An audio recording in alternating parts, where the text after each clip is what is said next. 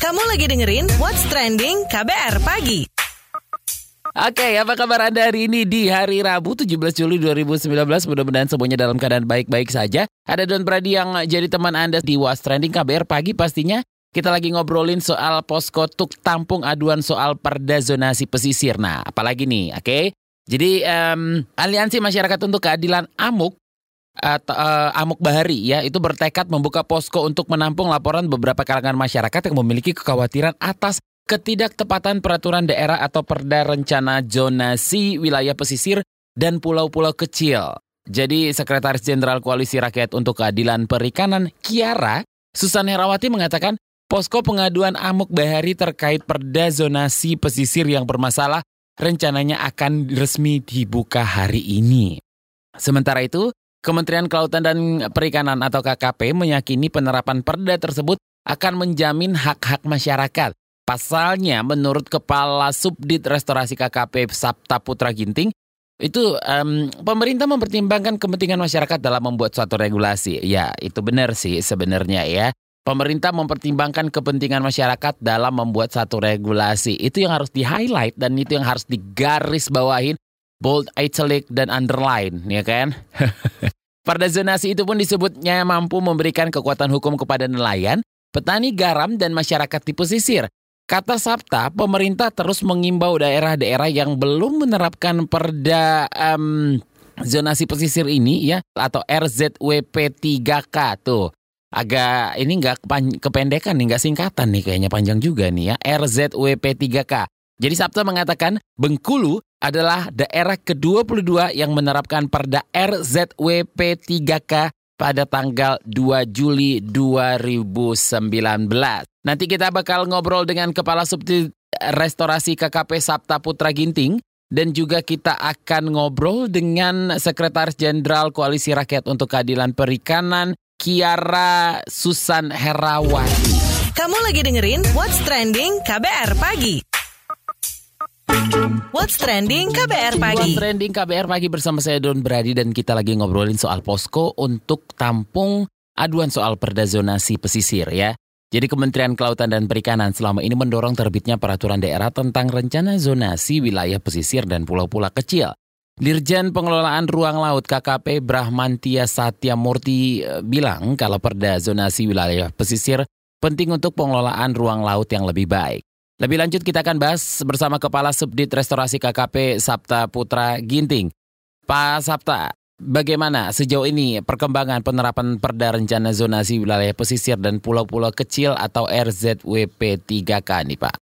Ya, sudah ada 22 provinsi yang menetapkan perda zonasi pesisir provinsi. Perda itu mengatur pemanfaatan ruang laut mana yang menjadi kawasan konservasi, mana yang menjadi kawasan pemanfaatan umum, mana yang menjadi kawasan strategis nasional, mana yang menjadi alur laut. Jadi kalau dia buat perda, dia punya kewenangan tambahan mengurus ruang lautnya gitu. Jadi kalau provinsi sisanya yang belum membuat itu dia nggak punya kewenangan yang kuat di laut. Oke, dalam penyusunannya sudahkah melibatkan masyarakat nih Pak?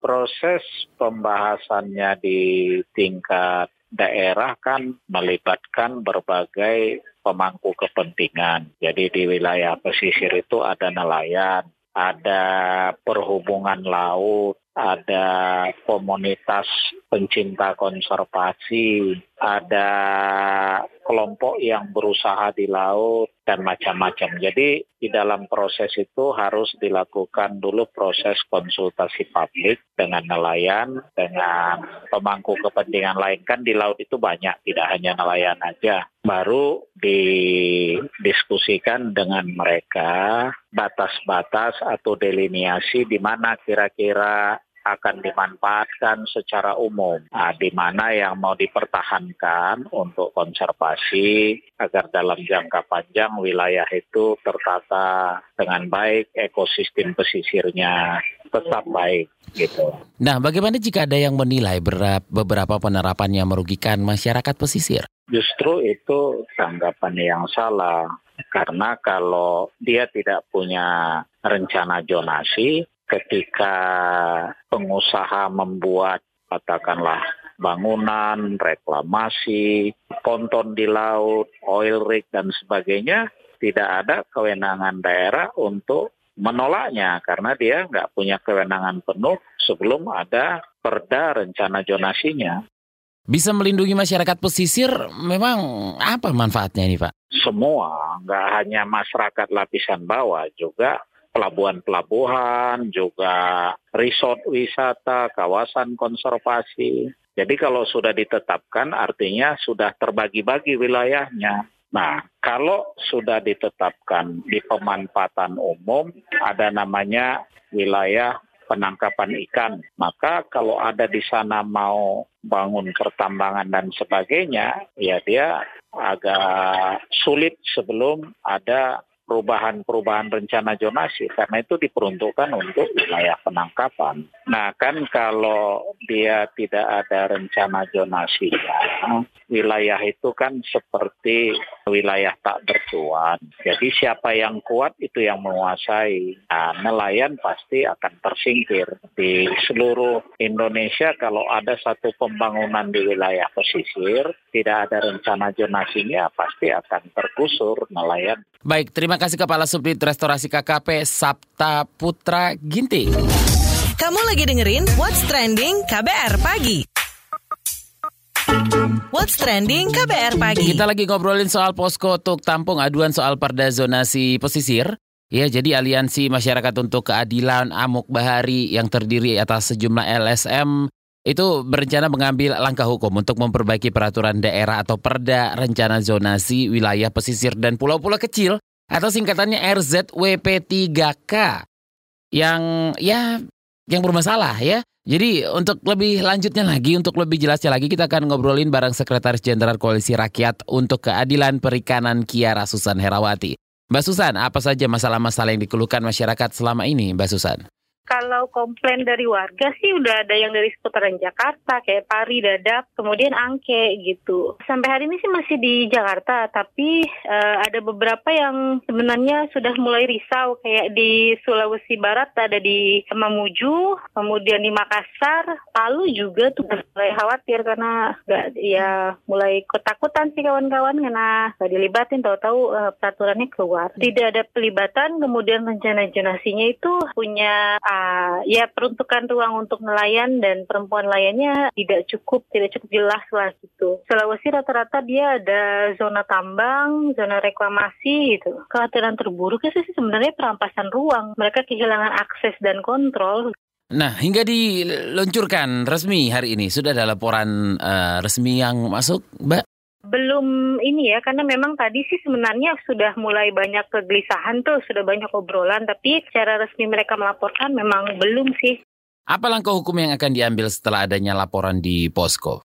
Uh, diskusi di dalam Aliansi Masyarakat untuk Keadilan Bahar ini, selain mengawal yang 13, ada kemungkinan juga kita melakukan langkah hukum gitu. Tapi apakah itu judicial review atau membatalkan yang 21 ini, ini masih dalam tahap diskusi gitu karena tentu butuh kekuatan yang lebih besar tapi udah dibicarakan sih ada langkah hukum yang akan diambil. Baik, terima kasih um, Sekretaris Jenderal Koalisi Rakyat untuk Keadilan Perikanan Kiara Susan Herawati. Kamu lagi dengerin What's Trending KBR Pagi. What's Trending KBR Pagi. Penasaran sama komentar Miss KBR? Ini dia Miss KBR. Hari ini adalah lembaran baru bagiku. Biasanya lembaran baru itu kan identik ya dengan mula alias memulai sesuatu dari nol. Lembarannya masih kosong ya Wak, nggak green banget deh. Itu lembaran kosongnya dari kertas apa sih? Kertas baru apa daur ulang? Atau kertas yang udah pernah dipakai terus rius sisi lainnya masih kosong? Hmm, Miss KBR sih emang nggak bakal komentar ya perkara kertas. Cuman ini loh, hari ini kan Aliansi Masyarakat untuk Keadilan atau Amuk Bahari membuka posko pengaduan untuk merespon pengesahan peraturan daerah tentang rencana zonasi wilayah pesisir dan pulau-pulau kecil alias RZWP 3K di seluruh provinsi di Indonesia Dan itu termasuk perkara reklamasi. Eh, nama perdanya aja sulit diucapkan ya. It sounds pretentious gitu deh. Banyak yang bilang aturan itu punya banyak masalah. Kayak ABG labil, banyak masalah. Khususnya perkara keberpihakan terhadap masyarakat pesisir. Contohnya nelayan. Jadi ya, kalau katanya Amuk, pemerintah nggak ada tuh nimbrung sama nelayan yang terdampak aturan itu. Mungkin itu kali ya yang jadi musabab alokasi ruang hidup untuk nelayan juga minim banget di aturan itu. Ya kali nelayannya tinggal di tengah kota kan? Lagian ya, hak nelayan itu kan dilindungi oleh undang-undang. Masih pada ingat kan putusan MK nomor 3 tahun 2010? Lupa kali ya pemerintah ya, kan udah 9 tahun yang lalu. Pemerintahnya lagi sibuk sama urusan lain kali yang lebih penting kayak pemilu, sibuk um, sibuk merayu konstituen. Padahal ya, putusan itu kan menegaskan kalau negara itu kudu memenuhi dan melindungi hak-hak konstitusi nelayan dan masyarakat yang tinggal di wilayah pesisir dan pulau-pulau kecil. Lah iyalah, udah tahu kan kalau Indonesia Raya ini negara kepulauan, laut jadi salah satu sumber penghidupan. Dan nelayan itu kan pastinya udah ada sebelum negara ini ada. Itu bagian dari keindonesiaan kita nggak sih? Lucu aja sih kalau kemudian nelayan itu hilang dari buku pelajaran sekolah.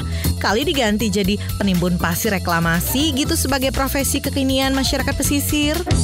Itu dia tadi komentar dari Miss KBR. Mau tahu besok Miss KBR bakal komentar apa lagi? Tungguin cuma di KBR Pagi.